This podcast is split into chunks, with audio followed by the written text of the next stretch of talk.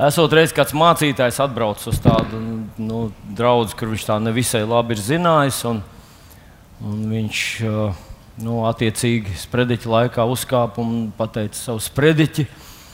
Un pēc dievkalpojuma viņš nostājās tādā vietā, kur cilvēki iet garām un sveicinājās. Un, un viens un otrs viņam saka kādus komplimentus par to, ka nu, vārds bija labs un, un paldies jums un tā tālāk. Un tad pienāk viens vīrs un saka, ko jūs tur vispār šodien gribējāt pateikt? Neko es nesapratu. Un tas vīrs piesaistīja mācītāju tādu uzmanību. Viņš tā nu, sveicinās cilvēkiem, bet viņš tā acīm seko tam vīram un skatās, ka tas vīrs pastaigā pa, pa, pa, pa draugu un, un atkal nostājās, nāk ar viņu sveicināties. Un, un pienāk otru reizi klāt, un atkal dod roku un saka viņam, Jūs pieskārāties visām iespējamām tēmām, kas ir tas, par ko jūs šodien gribējāt runāt.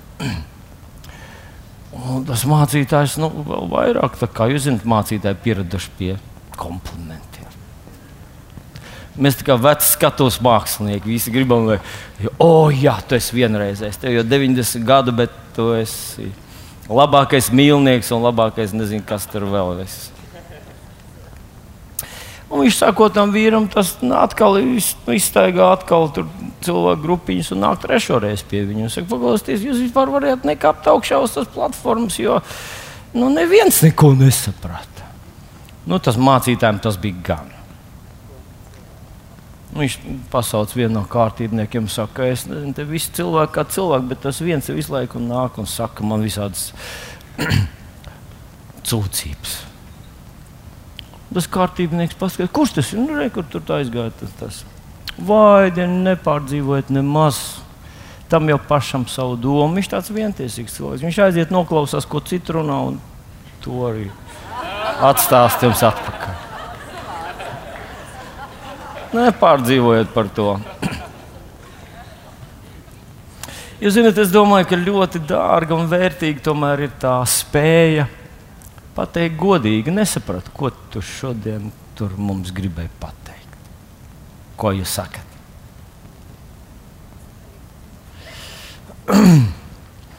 Un šodien tā, es atceros, es vienā jauniešu nometnē aizēju pastāstīt par trim mācītājiem, kas bija katolis, protestants un rabīns, kuri nu, iztaisīja tādu sacensību, kurš ir profesionālāks savā kalpošanā. Uh, Un viņi sacensties par to, kurš noevanģelizēs lāci mežā.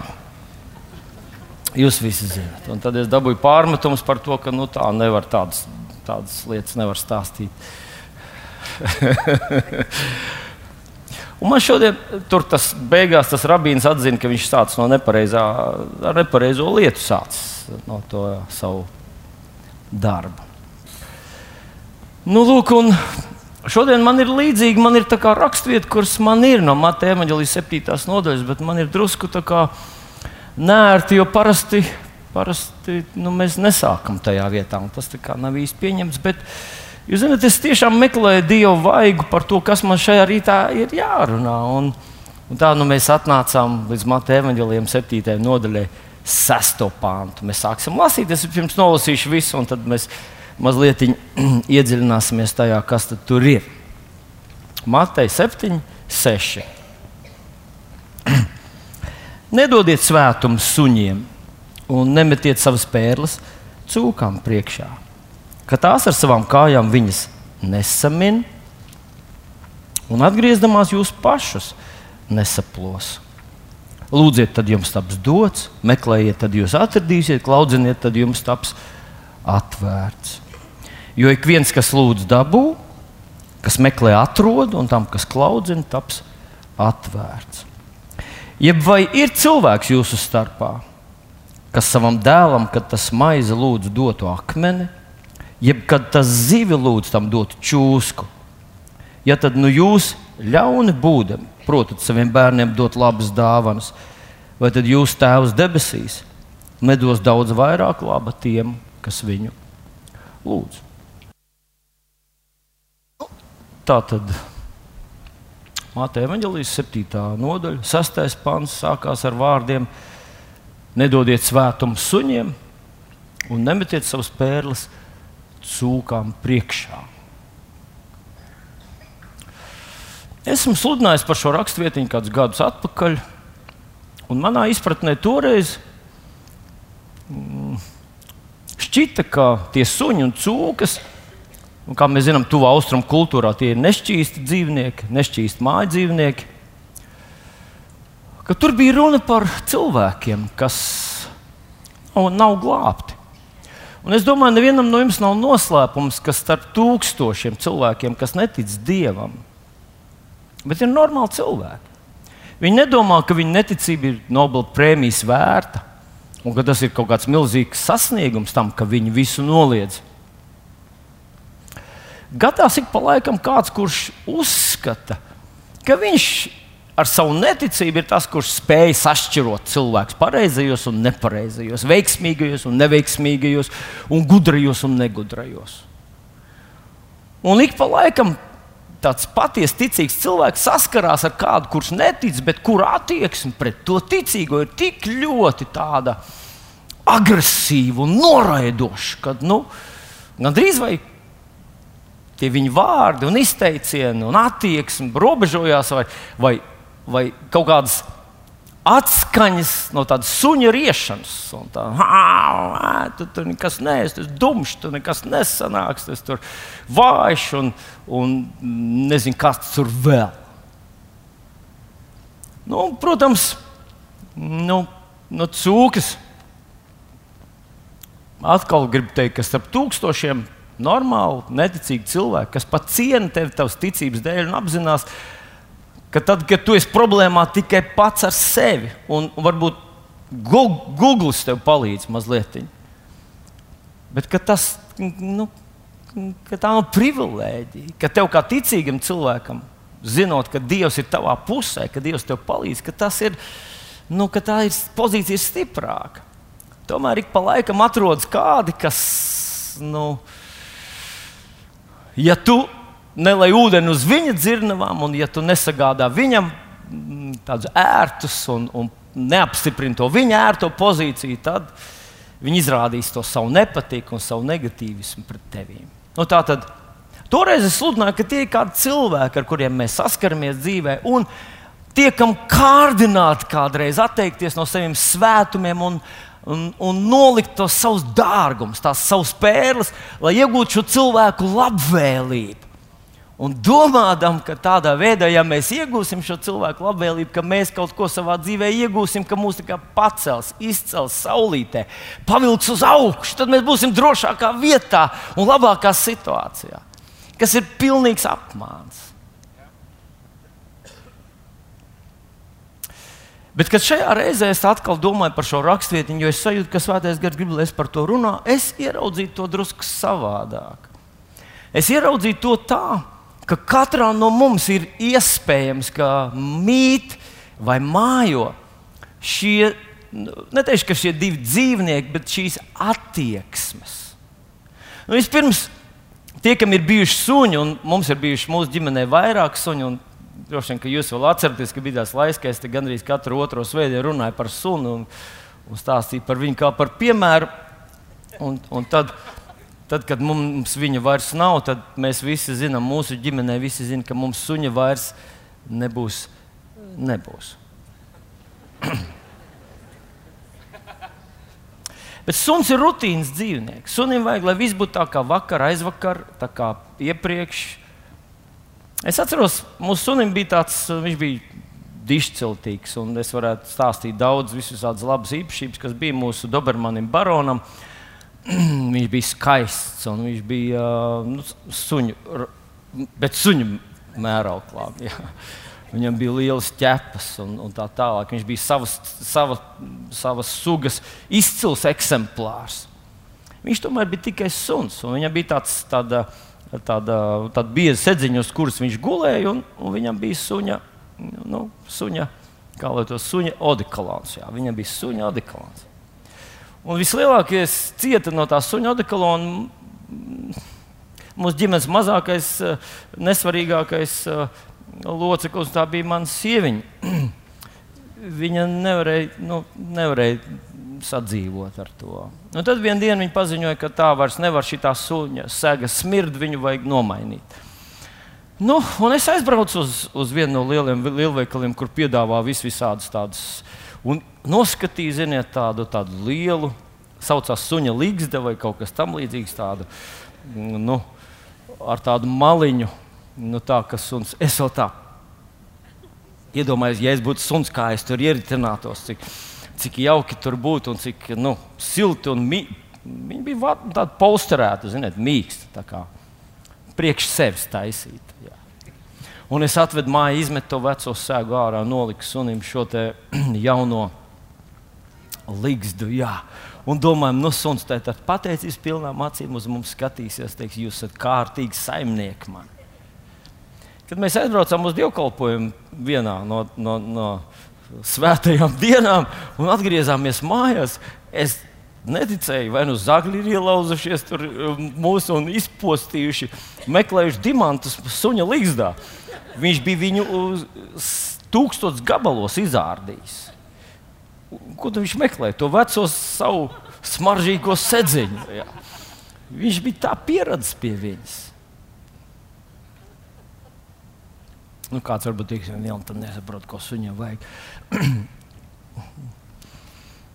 es saprotu, ka arī katrs no mums mūsos kaut kas ir tāds, tāds ka mums var gadīties. Kādam stiprāk, kādam mazāk. Bet mums gribas rutīnu, mums negribas kaut ko mainīt. Un kad kādreiz Dieva vārds ienāk mūsu dzīvē, un Dieva vārds no mums ko prasa pamatā?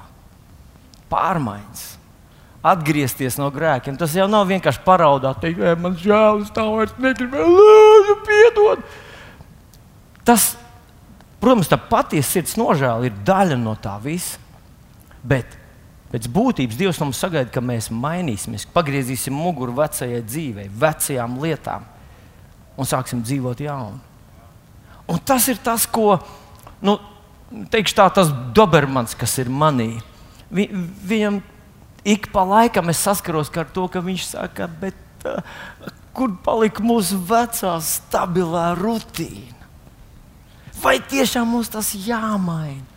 Vai tiešām mums tas jāmaina?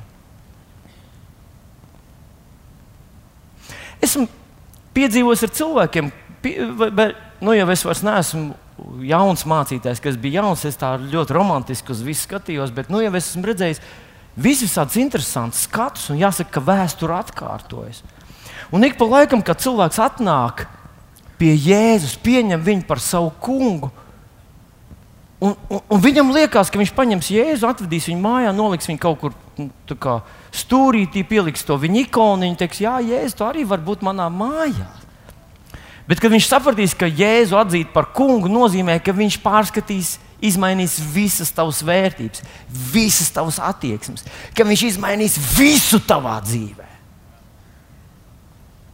Un ka pēc būtības, pēc būtības, visu, kas tev ir dārgs, visu, kas tev līdz jēzum dzīvē ir dārgs, tev nāksies vai nu izvēlēties, ka Jēzus ir tavs kungs vai kaut kas cits.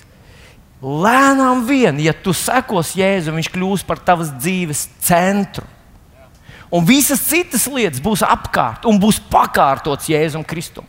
Nav iespējams viņu vienkārši pievienot savai vērtību sistēmai. Nav iespējams viņu vienkārši paņemt līdzi savā kulbā, savā bagāžniekā, savā lielajā pie, kravas kastē un vest viņu un teikt, ka ar mani viss ir kārtībā. Tas vienkārši nav iespējams. Viņš ienāks tavā dzīvē un izmainīs visu. Un ik pa laikam tas vecais Dobermans tevī protestēs, dumposies, dusmosies. Un esmu redzējis cilvēkus, kas ir kādu mirkli kā pavilkušies, es sacīšu to tādiem vārdiem, uz Jēzu un kaut ko izmainījuši, kaut ko atstājuši. Es nelasu nekad komentārus, bet kaut kā vienā reizē uztrāpījos komentāriem par mani. Tas bija nedēļas kurā, bet tas bija viens cits. Draudzes mājaslapā tur apsprieda mani. Tur uzrādījās eksperti, kas man ļoti labi pazīst, jo, jo bija kopā ar maniem vidusskolā un, un, un jau toreiz atcerās, kāds es esmu bijis.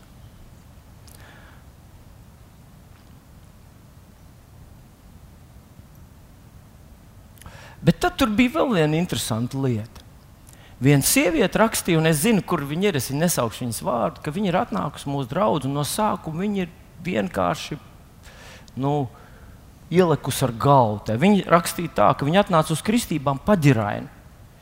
Centās to noslēpt no visiem, pieņēma jēzu, nokristījās. Un pēc tam viņa stāsta, ka viņa ir ielikusi tajā iekšā, ka viss tas draudzes darbs un draudzes dzīve viņa parāvusi līdzi. Viņa saka, nu, es tajā ielicu kā ar galvu ezerā. Un visā tajā, un pāris gadus vēlāk, un es nestāstīšu to viņas nianses viņas dzīvē, kur viņa saka, es esmu nostājies kā nu, ļoti kategoriski. Eh, es drīzāk teiktu, ka tā nebija katra, ka tā bija mana. Tā kā, rūp par viņu tieši tajā viņas situācijā, kāpēc es centos viņu aizstāvēt un neieteicu darīt to, ko viņa gribēja darīt. Un tad viņa teica, tas ir viņa atvēsinājums, un tad viņa sapratusi, ka viņa ir visu palaidusi dzīvē garām. Un ziniet, ko viņa raksta, ko viņa bija palaidusi garām? Man tas izraisīja smaidu. Es biju palaidusi garām, kāda ir aktuālā mūzika tagad, un kas ir politiķi, tie, kas ir tagad politiķi. Saka, es visu dzīvē biju palaidis garām. Kāda ir aktuālā mūzika un kas par politiķiem tādā vispār ir pie, pie stūres. Un es domāju, nu, dienu dzīve ir nu, izniekota pareizi, ja tu palaidi garām aktuālo mūziku. Tagad vairs nav aktuālā mūzika, Olgas Rajeckas dziesma, kā tur bija. Vai tu mīlēsi, kad man būs 16, bet tagad ir Uh, uz to laiku bija Laura Reina, kas skrien. Es skrienu. Kur viņš aizskrēja beigās? Es nu, ceru, ka viņš beigās aizskries tur, kur viņam vajadzēja. Bet tā doma tāda, ka es tā pavilkos uz jēzu un te hops, opā, nē, tomēr nē. Tā rutīna, mana dzīve, kurā es dzīvoju līdz tam, viņa bija labāka. Un es šodien gribu pajautāt tev. Kā tu tiec galā ar to Dobermanu tevī? Jo arī tevī ir kaut kāda tāda vēlme pēc tās drošās uh, dienas kārtības, pēc tām drošajām lietām, pie kurām es pieredzu, kam kā jābūt, kam, kā tu domā, kā tu rīkojies, kā tu atbildi, kā tu brauc, kā tu um, nodokļus maksā, kā tu algas maksā, kā tu vērtē cilvēkus un ļauj man apstāties pie tās cilvēku vērtēšanas īpaši. Es jau stāstīju, kaut kad es biju pie vienas māsas, kur teica, ka uh, vispār ne viņas rejošo sunu, vispār viņa teica, mans suns kož tikai ļauniem cilvēkiem. Un es viņai gandrīz pateicu, ka es zinu tavas suņa spējām atšķirt cilvēkus, nemaz neusticos. Bet nu, es paņēmu to pantu Jēzus vārdā, ka tie kāps virsū čūskām uz skorpioniem, viņiem tas neko nekaitēs un, un tā tālāk. Un es gāju vienkārši ticībā, ka tas suns uh, prasīs novērtēt pareizi. Bet suņiem ir tā doma, ka viņi prot atšķirt cilvēkus. Un kādreiz Es skatījos uz mūsu šķirnes Dobermanu, ka viņš pēkšņi metās virsū cilvēkiem, kas mierīgi gāja garām. Un tad, kad kāds gramstījās gar mūsu sēta, viņš mierīgi gulēja un žāvājās. Kā, nu.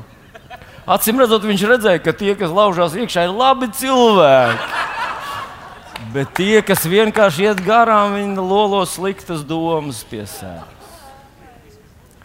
Draugs, neusticies tam Dobermanim tevī, ka tu pazīsti cilvēkus. Dažreiz mēs pēc tādām ārējām pazīmēm kaut ko sazīmējam, kaut kādus un vērtējam cilvēkus pēc tā, kā viņi atsaucās tajos mūsu priekšstatos. Nedara to.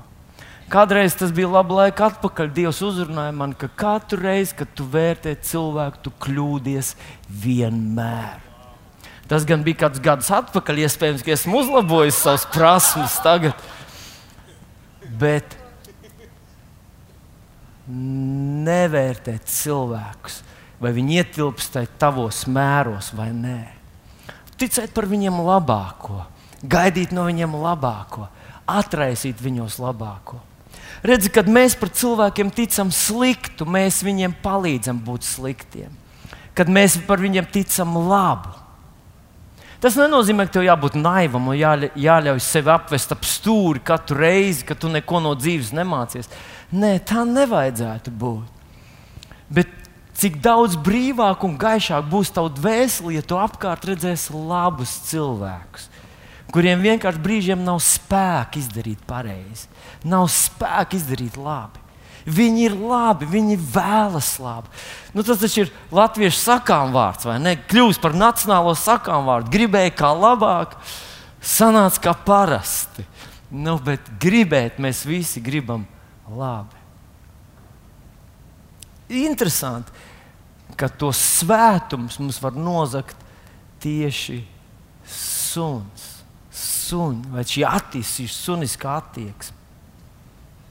Un es domāju, mani, manā dzīves ceļā brīžiem ir uzrunājuši cilvēki, kas manā vērtības skalā ne, neizvēr, neiegūta nekādu ļoti lielu vērtību. Bet Dievs man ir uzrunājis.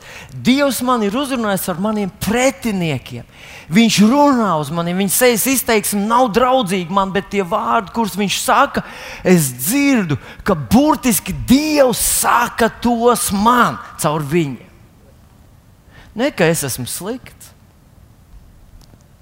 bet to, kas man jādara. Es atceros, mans, man, nu, man nav bijuši daudz dzīvē tādu e, reālu pretinieku, bet viens bija. Viņš teica, tu, tu gribēsi izdarīt to un to, un tu gribēsi izdarīt to, un tu, tu esi šitāds un tāds, un tu to darīsi.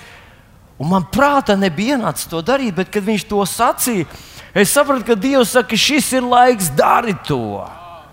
Es viņu nemānīju, neko nenodarīju viņam. Man vienkārši bija laiks rīkoties.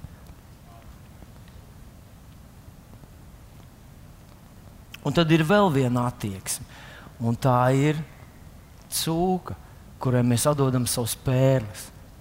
Redziet, ka Dieva vārds šajā vietiņā, kad Jēzus runā par svētījumiem un pērlēm, viņš nerunā par kaut ko ikdienišķu. Viņš nerunā par kaut ko, ko mēs ikdienā velkam mugurā vai, vai bāžam mutē, vai ko mēs tā ikdienas kārtībā lietas, ar kurām darbojamies. Svētumi. Tas ir kaut kas, kas ir pārlaicīgs, kas ir ārpus visas tās e, ikdienas vērtības sistēmas. No, no svētums, piemēram, ir mūsu attiecības ar mūsu Dievu. Tas ir kaut kas svēts. Manas attiecības ir ar manu dzīves draugu ir kaut kas īpašs, kaut kas svēts. Mana ticība ir tāda, kas ir vērtīgāka par visām citām lietām, kas ir svēta un dārgāka par citiem dārgumiem.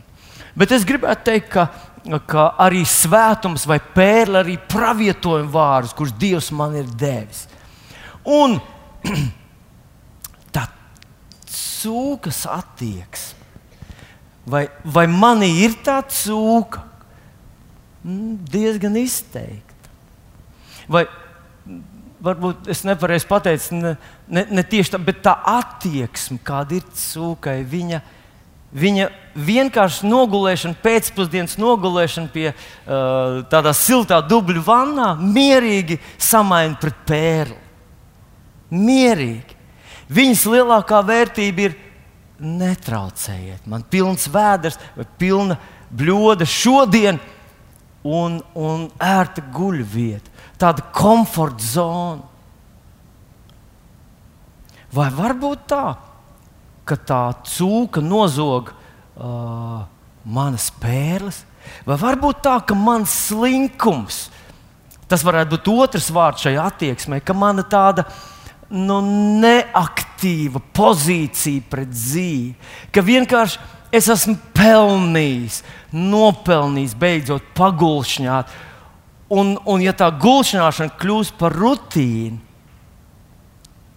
es kādreiz paskaitīju, cik daudz laika es pavadu vienkārši vedot suni ārā nu, pa darīšanām. Un es saliku visu to kopā mūža garumā, man sanāca baismīgs skaitlis. Un man sanāca, ka es nu, ka es gandrīz regulārāk vedu suni ārā nekā lūdzu Dievu, ka es vairāk laika pavadu. O, Vedot suni no viena koka līdz otram un gaidot, ka viņš beidzot izdarīs lielo darīšanu. Jo bieži vien viņš spītīgi nedarīja lielo darīšanu. Staigā, staigā, staigā. Es jau viņam teicu, šis pēdējais, visu to tu būsi mājās uz tepitīšu un tā tālāk. Nu, nekādīgi neizdevās viņu. Un tad beigu, beigās viņš kaut kur tik daudzas laika bija devis tam, lai suns varētu nodarīt savas lietas. Kā tas būtu, ja es sarēķinātu un saliku kopā visu to laiku, ko es pavadu vienkārši gulšņājot? Vai nesanāks tā, ka vienkārši bezjēdzīgi gulšņājot, vienkārši, vienkārši lēnām noliekot savā priekšā vienu bludiņu pēc otras, tad trešo, tad vēl kaut ko, es pavadu vairāk laika nekā pavadu attiecībās ar Dievu un sauc sevi par ticīgo. Ka es vairāk tādā veidā pavadu laiku uh, nekā nu, savā aicinājumā, darot aktīvi to, kam dēļ šajā pasaulē vispār esmu. Nu, taču nevar būt, ka es esmu šajā pasaulē, lai vienkārši pagulšņātu un pagulētu. Un tad es sapratu, ka man jāierobežo tas, tā cūciskā attieksme. Man ir jāierobežo slinkums, jo ir iespējams, ka tie vārdi, kurus Dievs ir runājis manā dzīvē, runājis manā sirdī, viņi nepiepildās ne tāpēc, ka Dievam nav spēka, ne tāpēc, ka vēlams par stipru, ne tāpēc, ka es esmu, ne, neesmu gan apdāvināts un gan talantīgs, vai, vai kaut kas manī trūks. Bet es pats to apglabāju, vienkārši baidoties kaut ko pamainīt savā dzīvē. Kāds ir teicis, ka, ka vai tā bija idiotisma definīcija, vai muļķa definīcija, vai muļķīguma definīcija, ir darīt vienu un to pašu un cerēt, ka rezultāts būs cits. Nu, Iedomājieties, ja tu jau no bērnības sāc darīt vienu un to pašu, tu dari tikai minimālo. Kad te uzdod skolā, tu mācies tikai tik, lai tu būtu četrnieku. Izšļūkt saule, tev neatstāj uz otru gadu ka tu nekad pirksts pret pirkstu nepakustini, lai kaut ko vairāk, jo tev ir tāda vēlme vienkārši pagulēt un atpūsties. Un zinot, kas ir, kas ir uh, nu, es varbūt neprecīzi pateikšu, bet mans priekšstats par cūku ir tāds, ja viņi kārtīgi pieēdus vēdru, viss viņi ir nokurusi. Un nu ir jāguļ līdz nākošajai ēšanas reizei. Tā dzīve prasa tik daudz enerģijas, es paēdu un plukšu paēd un plūkšķi, cik dzīve ir grūti. Visu laiku jāmirkšķina, visu laiku jāpārstrādā ēdiens. visu laiku nu, jāelpo un, un tā tālāk. Neiedziļināšos vēl visādās niansēs. Ka jo vairāk tu atpūties, jo nogurušāks tu esi. Nu, vai pēc būtības, vai nav tā, ja tu esi nogulējis vienu dienas pēcpusdienu, nu, vienkārši nogulējis bezjēdzīgi. Varbūt vēl laid samazgas savā dvēselē, teiksim, pie televizora. Ka vakarā pirms gulētiešanas tu esi patiešām noguris. Tā nav. Es ļoti atvainojos visiem tiem, kas iet kā vāveri ritenī no rīta līdz vēlam vakaram. Šodien, acīm redzot, nav jūsu svētdiena.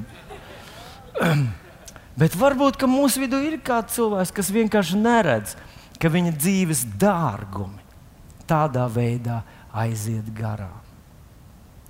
Nu, tas nākošais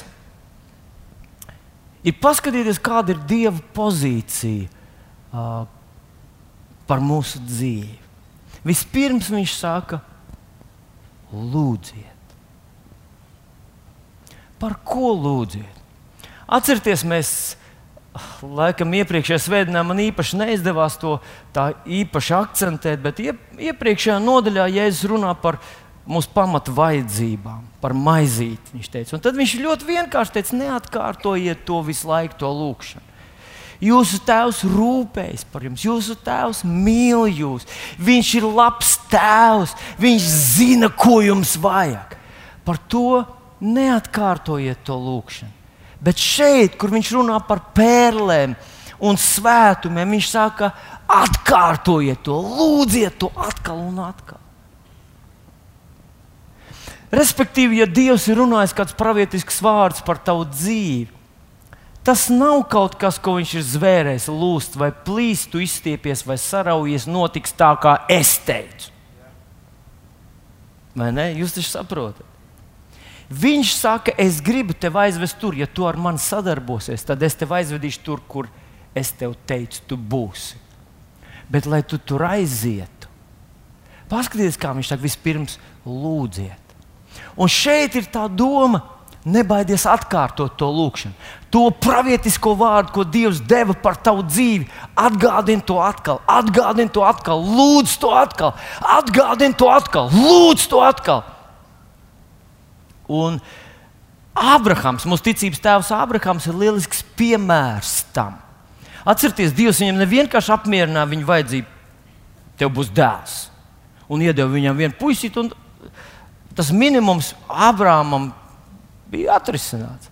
Nē, viņš teica, tu būsi par lielu tautu, tu būsi par svētību, darīšu lielu tavu vārdu. Un tad romiešiem 4. nodaļā teikts par Abrahāmu, ka viņš, viņš uh, es teikšu saviem vārdiem, pretī katrai cerībai cerēdams, pretī katrai cerībai cerēdams. Viņš ticēja, ka viņš, ka viņš to saņems. Un tad tur ir teikt tādu vārdu, ka viņš Dieva apsolījumu neuzņēma ar šaubām neusticību, bet, paklausieties, Dievam godu dodams, kļuva stiprs ticībā, pilnīgi pārliecināts, ka Dievs to, ko ir sacījis, arī piepildīs. Respektīvi, Abrahāma lūgšana, Abrahāma pateicība par viņa tautu, kas celsies no viņa gurniem, par to lielo tautu. Tā nevis mainīja Dievu, bet mainīja Abrahāmu. Citiem vārdiem, ja mēs runājam par tavu situāciju, kad Dievs deva tev pravietiskus vārdus, un tu nevis tos aizmirsti, nevis nomet zemē, nevis atstāji kaut kur, bet tu viņus lūdz. Tu teici atkal, Dievs, es tev pateicos, es to gribu, es to pieņemu, es virzos tajā virzienā, ka tas izmainīja tevi. Un, ja, ja vecajā darbā Dievs teica savai tautai, es neiedošu tev visu apsolīto zemi uzreiz, jo tu neesi gan izaudzis. Mūsu gadījumā tu neesi gan nobriedzis. Tad tā šī tava pateicība, šī ticība, ka tu lūdz par tām lietām, ka tu stāvi tajā priekšā un bez šaubām tā nav domāts par to visu laiku. Dievs, Dievs lūdzu, nē, nē, neaizmirst, nedod man tomēr to dēlu. Nē, nē, nē, nu, tu vairs netiksi projām, tu vienreiz pateici. tā nebija tāda lūkšana. Tā bija tā, kā Jēkabs saka, pirmajā nodaļā, sastajā pantā, bet lai viņš lūdz ticība. Jo vīrs, kas šaubās, līdzinās veidu zītam, mētātam jūras vilnim, lai nedomā, ka viņš no tā kunga ko saņems. Tas nozīmē, ka Abrahams teica, paldies tev, paldies tev. Pagāja gads, viņš teica, paldies tev, pagāja divi gadi, viņš teica, paldies tev, pagāja trīs gadi, viņš teica, es zinu, es zinu, tu piepildīsi savus apsolījumus. Un nevis Dievs beidzot izlēma, man tomēr jādara. Viņš jau 20 gadus jau viņš vienu to pašu visu laiku lūdz. Bet tas izmainīja Abrahāmu. Redz, ka tu stāvi par tām vīzijām, tiem aicinājumiem, tiem pravietojuma vārdiem, kurus Dievs ir devis tev. Un tu tos neaizmirsti, tu tos lolo, tu tos atkārto, tu par tiem pateicies. Tu mainies, un tu nobriest, un tu virzies pretī tam, ka Dievs ir to, ko ir pateicis par tevi. Atdos tev visu apsolīto zemi, jo tu esi gana nobriedzis tam.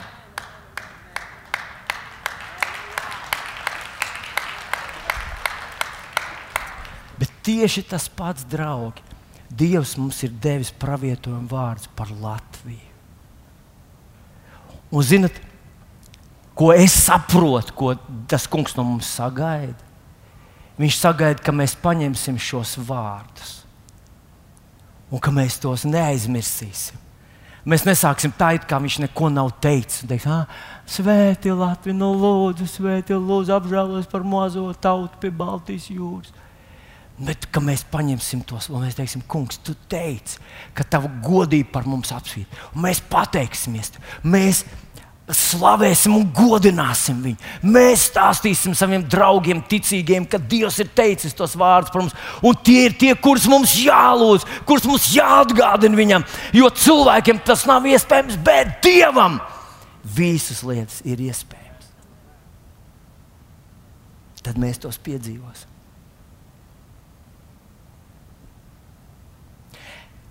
Lūdziet, tā tad ir viena lieta. Bet paskatieties, kas vēl tur ir teikts. Tur ir ne tikai lūdziet, tur ir rakstīts, meklējiet, tad jūs atradīsiet. Klaudziniet, un jums taps atvērts. Esmu no bērnības, par cik es esmu kristiešu vidē uzaugusi, esmu dzirdējis tādas lūkšanas. Kungs, te es esmu. dari, ko tu gribi. Lai manā dzīvē notiek tavs prāts. Halleluja! Kas par priekšzīmīgi kristietis esmu? Viss, ko viņš grib ar mani, lai notiek. Ko vēl no manis var prasīt? Pareizi. Es vienkārši tagad gaidu uz to kungu. Aizgājis skolā, es cenšos izsmaukt visur. Kad aicinu kādu kaut kur pieteikties, es cenšos, jo es gaidu uz to kungu. Kungs izmaina mani, kungs izņem manas domas, kungs. Rekurs esmu pārveidojis mani savā līdzībā. Ko vēl es varētu pateikt vēl labāk? Kungs, te es esmu, ja tev vajag eņģeli. Izveido no manis. Bet, ja varat tur teikt, meklē un klaudzini. Nu, klaudzini, mīļie draugi, manā izpratnē ir, kad mēs griežamies pie kāda cilvēka, kurš var mums atvērt durvis. Esmu to pat kristiešu aprindās redzējis, ka mēs esam tik lepni, lai palūgtu. Vai tu nevari man lūdzu parādīt, paskaidrot, vai tu man nevarētu. Um, uh, nu, es, ne, es nerunāju par naudas lūgšanu. Uz to mēs esam diezgan veikli. Es runāju par to, ka vienkārši palūgt. Vienreiz man zvanīja viens mācītājs, ar kuriem mums ļoti maz bijis kontakts. Ļoti maz. Viņš aicināja mani uz, uz, uh, uz, uz savu draugu. Viņam bija kaut kāda jubileja, un viņš teica, lai es atnāku. Un tā. un es viņam jautāju, kā, kāpēc tu tieši man zvani? Nu, es negribēju, lai viņš tā vienkārši paņem tā. Vilnis, atnāks. Kāpēc tu tieši mani aicini? Un apmēram viņš nebija latviešu cilvēks, viņš, bija, viņš runāja krievu valodā. Bet tā attieksme bija tāda. Tu tikai nepadomā mierīgi bez tevis var iztikt. Tikai nepadomā, ka kaut kā tur kaut kāda liela problēma, ka tu nāc. mierīgi! Nu.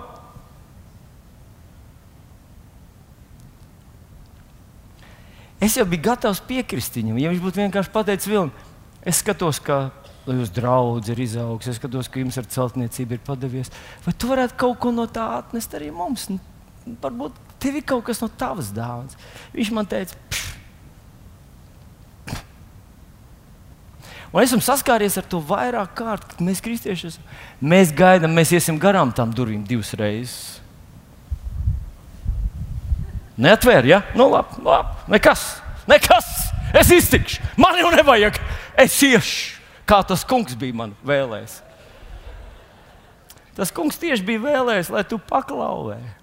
Lai tu saki, ka es šobrīd ar to cīnos. Cenšos, uh, lai kaut ko, es cenšos uzņēmēju darbību uzsākt.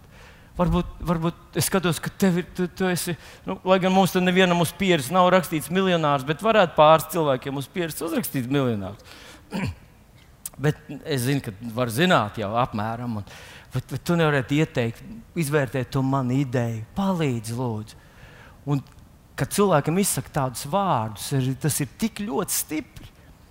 Rēti, un es domāju, ka mēs varam pateikt arī nē. Tu neesi vergs nevienam. Tev nav vienmēr jāsaka jā. Bet esmu pārliecināts, ka ir viens durvis, viens otrs durvis, kurš noteikti atvērtos, ja mēs vienkārši palūgtu. Palūgtu. Un tad ir vēl viena lietiņa, meklējiet. Vai nav tā, ka mēs gribam, nu tā ar pirmo, tu tā iznāc no, no no vidusskolas, uzreiz kā iekāpt, tā uzreiz ir īstā vieta, viss īstais biznesa, tev viss iet, viss notiek. Tad, tad vienkārši dur tikai līdz nāvei, un, un, un, un, un, un, un viss ir skaisti. Bet pats Jēzus mums saka, meklējiet. Un, jūs zināt, es esmu, es šobrīd stāvu draudzē, eh, kā mācītājs uz platformas, bet esmu draudzē darījis visu, ko jūs varat iedomāties. Esmu mazgājis toaletes, esmu stiepis stumbus, esmu uh, licis uh, skaņas sistēmas, regulējis, esmu nesis vakarēdienu, mazgājis vakarēdienu traukus, esmu darījis visu, ko, kad es vēl nebiju mācītājs. Un es atceros, mūsu mācītājs Arnēs Sīls tajā laikā, tajā šobrīd viņš jau ir mūžībā, bet toreiz viņam bija atvaļinājums. Mēs vēl bijām Baptistu draugā. Viņš nezināja, kāpēc neuzticēja nevienam citam dievkalpojumam, kā man, jaunam puikam, kuram nebija nekādas pieredzes ar sludināšanu. Un viņš teica, zini, es te būšu atvaļinājumā, uh, es neatceros, vai tās bija vairākas svētdienas pēc kārtas, vai tu varētu lūdzu kalpot tās divas svētdienas. Un es, protams, nu vispirms tāds gods, tāds gods. Tāds gods mums uzreiz ir. Es domāju, nu, tūlīt. Es kā atnākšu pie tā kunga, teiks, tēt, man, man jākalpo svētdien, tā viņš uzreiz visu konspektiem nu, nolaidīsies. Tur man viss teiks, izvēlēties labāko, kur tu gribi. Un, Man tas prasīja visu to nedēļu. Es biju slims ar dievkalpojumu. Es, es centos Dievs, ko lai es pasaku tiem cilvēkiem, kas daži no viņiem 30, 40 gadus sēdējuši dievkalpojumā, ir dzirdējuši visus pasaules sludinātājus. Ko es puika varu viņiem pateikt? Un es saucu. Un svētdien es atnācu ne dzīves, ne mīris. Izgāju tur priekšā, kaut ko es tur runāju, vairs neatceros, ko. Un tad viņš atbrauca atpūties no atvaļinājuma un teica, nu, paldies tev, jā, nu, bija labi. Un es ziniet,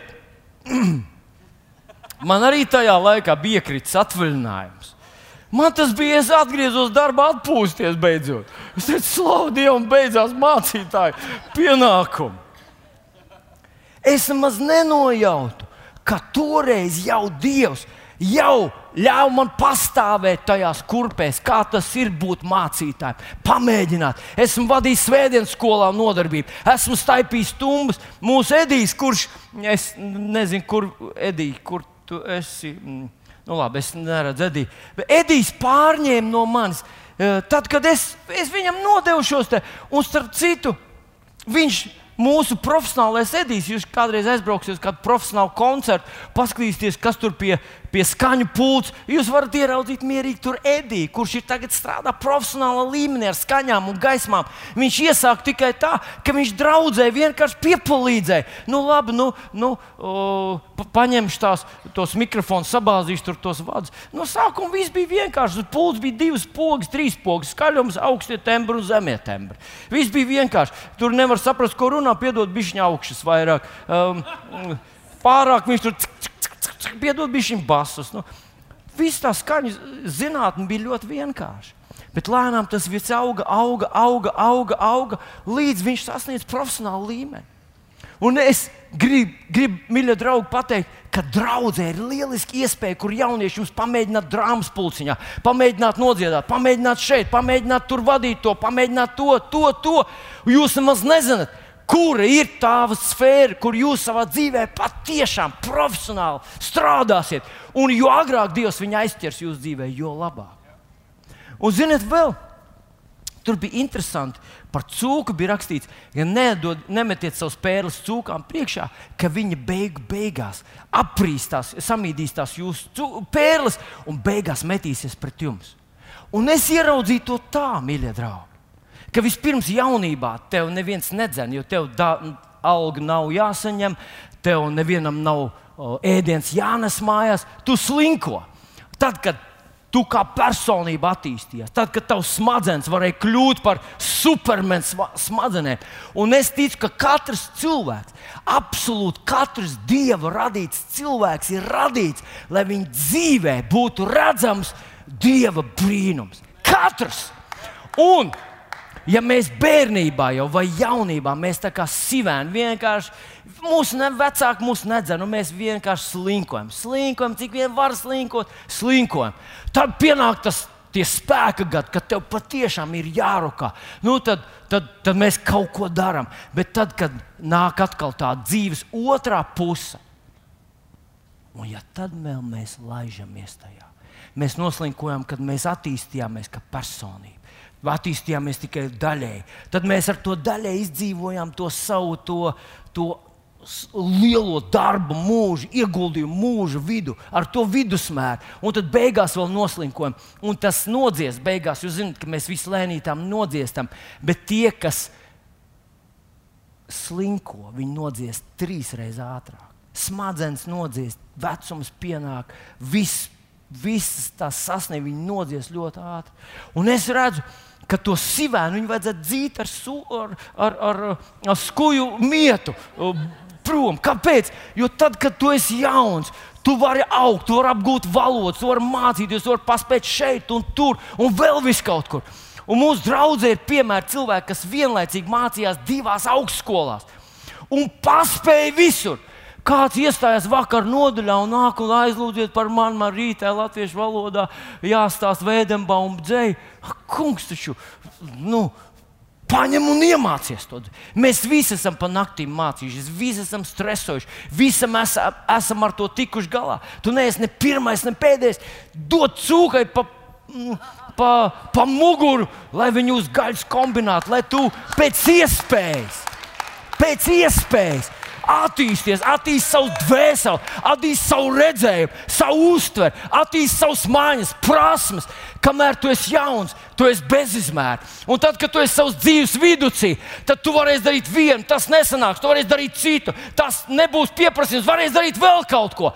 Es ticu, ka cilvēks ir tik daudz līmeņu, iespēju cilvēks. Dievs mūs tādus ir radījis brīnumainas būtnes. Vienkārši cūkas un suņi mūs apzog. Tas bēdīgākais ir brīžiem, kad mēs paši ar to uh, sadzīvojam un pieņemam to. Un tad beigās, dzīves otrajā pusē, mums jārūkā kā nekad.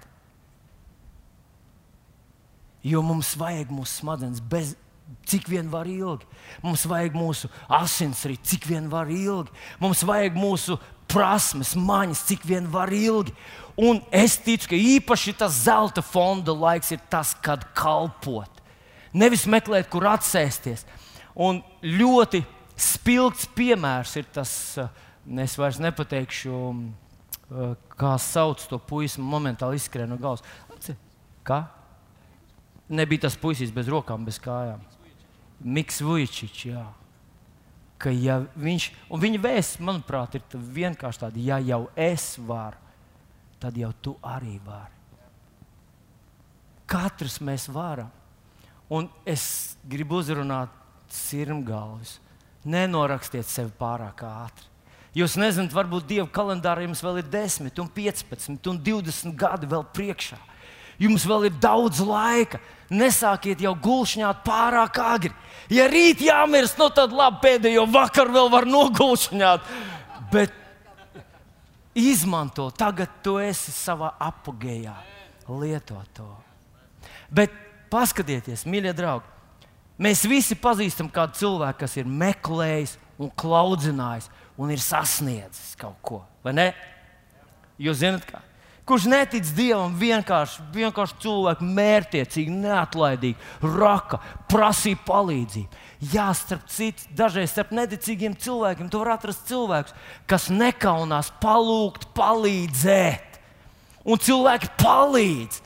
Pat neticīgi cilvēki palīdz. Ir kaut kas mūsos, nevelti jēzus teica, klaudziniet, un jums atvērs. Neatvērs šodien, atvērs rīt, atvērs parīt. Cilvēkiem patīk palīdzēt cilvēkiem. Tas mums sagādā baudu kaut kādu. Ir cilvēki, kas ir sasnieguši daudz ar savu pašu spēkiem. Bet šeit Jēzus pie tā neapstājās. Viņš runā vēl tālāk, un 11. pantā viņš runā par mūsu debesu tēvu. Un mana pārliecība ir tāda, ka pasaulē ir maz tādu cilvēku, kas patiešām klaudzināja, patiešām meklēja un kas lūdz, kas ticībā no sava debesu tēva saņēma viņu palīdzību. Un tad viņš saka, ja jūs ļauni būdami, protat saviem bērniem dot labas dāvanas. Cik daudz vairāk jūs debesu Tēvs nedos labu tiem, kas viņu lūdz. Mēs ļauni, mēs ļauni esam. Nu, es skatos uz Normālu un Inetu. Nu, nu, viņus varētu nosaukt par ļauniem, vai ne? Man, man mēlī nepagrieztos, nosaukt viņus par ļauniem. Rekurs sēž Raimons ar Ines. Man liekas, ka viņi cik vien saprata, cik spēja, cik varēja viņi priekš saviem puikiem un savas meitenītes centās labāko. Tur ir mana māsa, Ilze. Nu, labi, Olīta Randra, labi, mēs jau zinām.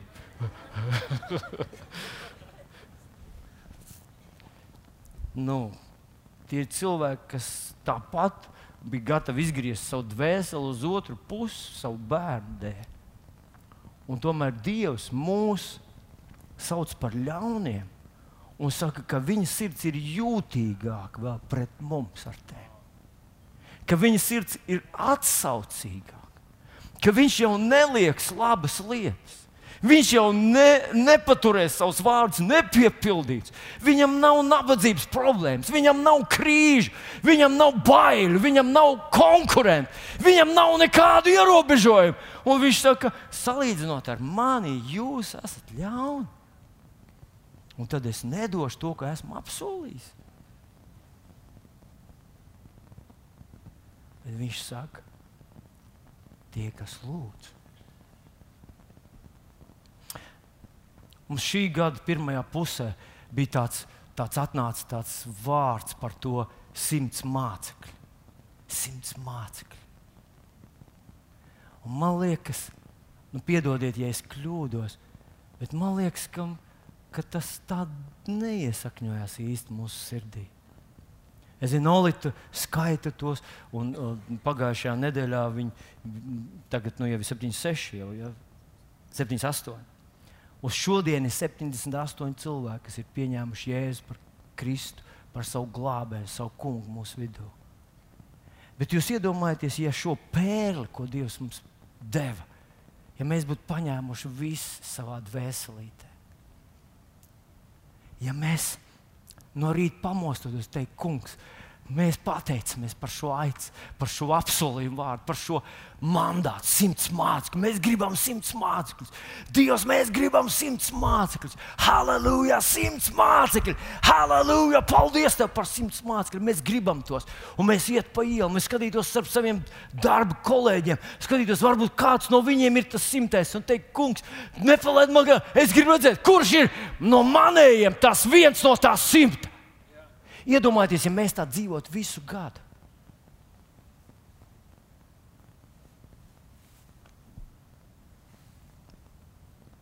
Situācija būtu konkrēti cita. Konkrēti cita. Un te ir tas, tas ko Jēkabs saka, jums nav. Tāpēc, ka jūs nelūdzat. Bet vēl vairāk Dievs deva pravietiskus vārdus visai mūsu zemē. Visai mūsu zemē. Un es viņu izlasīšu tagad. Un ziniet, kāpēc es izlasīšu? Es nelasīšu to tāpēc, ka, lai aizpildītu kaut kādu laiku. Man ļoti gribētos, ka, tas, ka mēs kā visi, ka mēs visi paņemam to kā pērli, kas mums ir dots. Un mēs neļautu ne rutīnai. Tā rutīna ir, nu, paskaties uz mūsu valdību, paskaties uz mūsu zemi, uz mūsu ceļiem, paskaties, kas te labs var būt. Tie ir tie suņi. Un sivēns, jūs jau zināt, ko sivēns saka, mēs jau lūdzām bet ka mēs visi paņemtu šos apsolījumu vārdus. Un mēs nākam kā tauta Dieva priekšā un mēs teiktu, paldies Tev par šo apsolījumu vārdu. Kā, kā sacīja tas, tas uh, Žants Lukas Trašals, viņš teica, es redzēju vīzijā, ka Dievs skatījās uz Latviju un nu, viņa nāsīm nāca dūmi. Viņš ir. Mm, iekarsis jā, par Latviju un Eiropu. Dievs par Latviju un Eiropu. Šis ir mūsu laiks. Rekur. Iesai 60. Uh, celies, top apgaismot, tava gaisma nāk. Tā kunga godība uzlec pār tevi. Tik tiešām tumsība apklāja zemi un dziļi krāsla tautas, bet pār tevi kā saule uzlec tas kungs un viņa godība parādās par tevi. Tautas staigās tavā gaismā un ķēniņā, spožumā, kas uzliekas pār tevi. Pacel savus acis un skaties visapkārt, tie visi ir sapulcējušies un nāk pie tevis. Tavi dēli no tālienes un tavas meitas uz rokām atnestas. Kad tu to redzēsi, tu staros priekā un tavs sirds iedarbēsies un atvērsies, jo jūras bagātības virzīsies šurp pie tevis. Tautu manta ieplūdīs tevī. Ha! Ha! O, Tēvs, Dievs!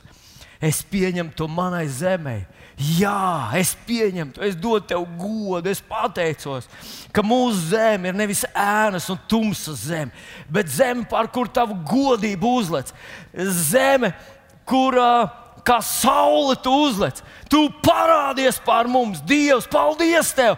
Mēs skatām, ceļam savus acis, redzam mūsu dēlus un meitas atgriežamies. Halleluja! Paņem, lūdzu. Es to lūdzu kā Latvijas. Paņem, lūdzu. Ir vajadzīgs kāds, kurš stāv Dievu priekšā par mūsu zemi, nevis kritizējot, nevis vienkārši nu, vienaldzīgs pret to. Nevis ēh, kā būs, tā būs, kā tikai manā mājā ir gaisa. Bet paņem lūdzu to. Paņem, lūdzu, nu, mūsu tēvi skrēja lodēm pretī, riskēja ar savām dzīvībām. Pat nebija droši, vai tāda Latvijas valsts būs. Viss, kas mums ir jāizdara, mums jāpielieto savu ticību, jāpaņem šīs pērles, neļaujot, lai cūkas to apēd, lai, lai suņi to sabojā. Nāk Dievu priekšā un teikt, Dievs, un viņš saka, es gribu jums, es gribu jums dot. Paņem lūdzu šo iesai 61 līdz 5. Un tad viņš mums iedeva raksturvietiņu, kas ir mūsu vīzija un redzējums no Iesai 49. Tas ir par maz, ka tu esi mans kalps, lai atjaunotu jēkabu cilts un atvestu atpakaļ izglābtos Izraēlu bērnus. Nē, es padaru tevi arī par gaismu citām tautām, ka tu būtu mans pestīšanas nesējis līdz pasaules galam. Draudz, varbūt neatstājam to kādā cita atbildībai Kā būtu, ja mēs visi paņemtu to par savu lūgšanu? Un es varbūt neaicinu tevi trīs reizes dienā, bet, ja vienreiz dienā, tu vismaz varētu ticībā pacelt rokas un teikt, Dievs, es zinu, ka to, ko tu teici, to tu arī piepildīsi. Tu mums dod šīs prasmes, spējas, resursus, cilvēkus. Dievs, mēs pateicamies, ka mēs aiznesīsim tavu pestīšanu līdzi tautām. Paldies tev par šo misijas dimensiju mūsu mūsu, mūsu draudzē. Un es vēl, vēlreiz izlasīšu Kristus Volotona pravietojumu. Nav obligāti viss jāatceras, bet ir kaut kādas pozīcijas, tās galvenās, kas atsaucās tavā sirdī. Būtu labi, ja mēs paņemtu to un mēs teiktu, Kungs, paldies Tev, ka tie vēji, kas sūtīti pret mums, tie dzīs mūsu kuģus. Iedomājieties, vēji, kas sūtīti pret mums, dzīs mūsu kuģus, dzīs tie ieplūdīs mūsu burās un dzīs uz priekšu mūsu ekonomiku. Neveiksms, Dievs teica, neveiksms lietošu kā meistarīgi keramiķa rokas, kas jūs pārveidos par skaistu tautu. Mūsu labākās dienas nav baronu laiks, bet tās mūsu kā tautas labākās dienas ir mūsu priekšā. Mūsu labākie rakstnieki vēl uzrakstīs savus darbus. Mūsu spilgtākie komponisti vēl sakomponēs savus simfonijas, un operas un mūziku. Mūsu uzņēmēji vēl nopelnīs miljonus, par to ir runāts druskuļi tālāk. Mūsu radošais potenciāls, mūsu valsts izciltīgie prāti, gudrie prāti, ģeniālie doktori un tā tālāk. Viņi nav pagātnē. Dievs teica, es izmantošu neveiksmes, un padarīšu jūs par skaistu tautu. Es gribu jūs padarīt par Eiropas kroņa dārgakmeni, par Eiropas kroņa pērli. Skaties, es nezinu, vai tas atsaucas tavā sirdī šobrīd, bet es zinu, kas notiks, ja tu paņemsi šos vārdus. Ja tu kā Abrahams sāks pateikties Dievam par to, un ne tikai vienu, divas, trīs, piecas dienas, bet ja tu paņemsi to un tas kļūs par daļu no tavas lūkšanas dzīves, Kā, kā tu vedi suni ārā staigāties, tad trīs reizes dienā pateiks Dievs, es pateicos par tavu svētību Latvijai, par pērlēm, ar kurām tu mūs apdāvini. Tu izmainīsies. Tavs sirds izmainīsies. Mēs pieaugsim kā kristieši. Ne tikai savā vēlmēs pēc labklājības, bet savā sirdīs. Un mēs saņemsim šo te, jo Dievam ir nav problēmas dot. Viņam problēmas ar mums to saņemt.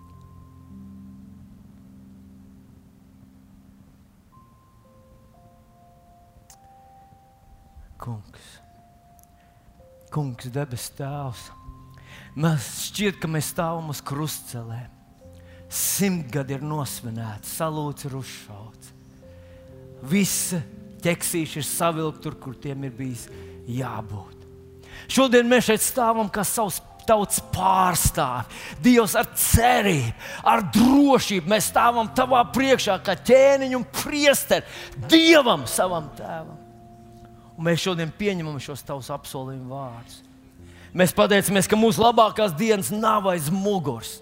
Mūsu labākās dienas nav kalpa zēna vasara vai baltā grāmata. Dievs, mūsu labākās dienas ir tevis svētīts, tevis dāvāts mums, un tās ir mūsu priekšā. Mēs pateicamies, mēs to pieņemam, mēs par to uh, godinam tevi, dodam tev godu. Un mēs uz tavu vārdu pamatu, mēs lūdzam ticībā un pieņemam šīs lietas. Paldies tev! Paldies tev par glābtu latviešu tautu! Paldies tev par glābtu krievu tautu Latvijā! Paldies tev par ukrāņiem! Paldies tev par ebrejiem! Paldies tev par visām tautām! Kas šajā zemē ir? Dievs, mēs gribam viņus! Mēs gribam viņus debesī! Mums nav vienalga. Tāpēc mēs pateicamies Tev par šīm pērlēm, mēs tās pieņemam Jēzus vārdā. Aleluja! Palīdz mums, kungs, padarīt to par savu lūgšanu. Palīdz lūdzu, mums, ka rutīna un slinkums nenozog dārgāko, kas mums mūsu dzīvē vispār ir. Palīdz mums padoties tev no visas, visas, visas savas sirds. Halleluja! Halleluja! Halleluja! Halleluja! Slavu! Halleluja! Gods tev, ķēni! Es pateicos, ka tu svētīji Latviju. Es pateicos, ka mūsu robeža ir drošībā. Es pateicos, ka mūsu ministriem ir spēks. Es pateicos par īsto, un pareizo un adekvātu valdību. Es pateicos Tev, Dievs, ka mēs spējam un varam.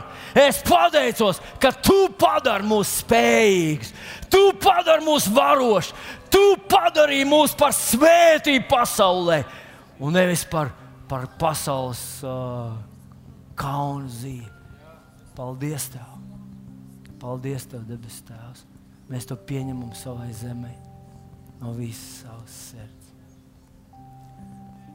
Un tad uzliek savu rociņu sev krūtī.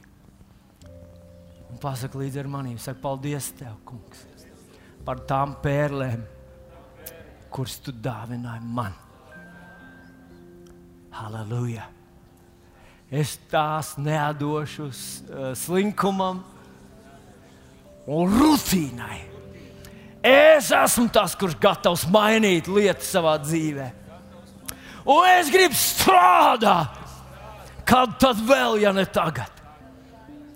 Tavam godam, cilvēku svētībai, manai zemei, debesīm, manam paša gandarījumam. Jo es jau dzīvoju brīnumā, un ar visu man piešķirto autoritāti un spēku. Es šo brīnumu paplētīšu lielāku. Es tās pacelšu robežas un latiņas Un es pateicos, ka tu man atbalsti tajā visā.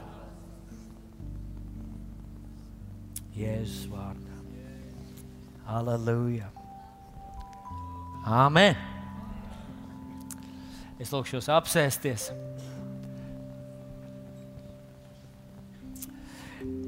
Tajā naktī, kad mūsu kungs tika nodots, viņš paņēma biķeri un maizi. Un viņš pacēla tās rokas tās pret debesīm un pateicās debesu tēvam. Un tad viņš teica, šis biķers ir jaunā darība manās asinīs. Cik kārt jūs no tā dzerat, pieminiet to, ka esat dalībnieki jaunā derībā. ka jums pieder visa Dieva mīlestība, visa Dieva atbalsts. Tev pieder visa Dieva mīlestība, visa Dieva atbalsts, viss viņa labvēlība. Tev pieder. Lūdzu, nepavadi savu dzīvi vienkārši pasīvi, pasīvi gaidot vakaru. Un viņš ņēma maizi, viņš teica, šī maize ir mana miesa, kas par jums to dod. Cik kārt jūs no tās ēdat? To darat man pieminēt. Un, protams, tas nozīmē, ka Jēzus tavā vietā izcieta visu sodu. Tavā vietā samaksāja par visiem taviem noziegumiem, visām tavām personības īpatnībām. Tev nav nekāda pamata dzīvot miesā. Nav nekāda pamata sev vērtēt pēc miesas. Nav nekāda pamata sevi norakstīt, kritizēt, sevi apskaut. Nav pamata to darīt. Jo Jēzus ieņēma to tavu vietu, lai tu ieņemtu viņa vietu. Un kad tu uzticies un tici viņam, kad tu uzticies un tici viņam, tu vari piedzīvot, ka tavā dzīvē atspīd viņa spožums un viņa slāpe. Un kad šodien tu baudīsi šos tā kunga iestādījumu, tad atceries, ka tu esi jaunās derības dalībnieks un ka tu esi atpirkts un glābts, esi jauns radījums Kristu Jēzu mūsu kungā. Halleluja! Debes Tēvs, mēs pieņemam šo vakarēdienu, un mēs pateicamies, ka katru, kurš to bauda ticībā, ka svētība viņu pavada. Un es lūdzu, lai šodien tu arī dod mums lielāku atklāsmi par tavu mīlestību, tavu spēku, tavu klātbūtni un atbalstu. Paldies, Tev, debes Tēvs! Mēs pateicamies un pieņemam to kungu Jēzus vārdā. Amen!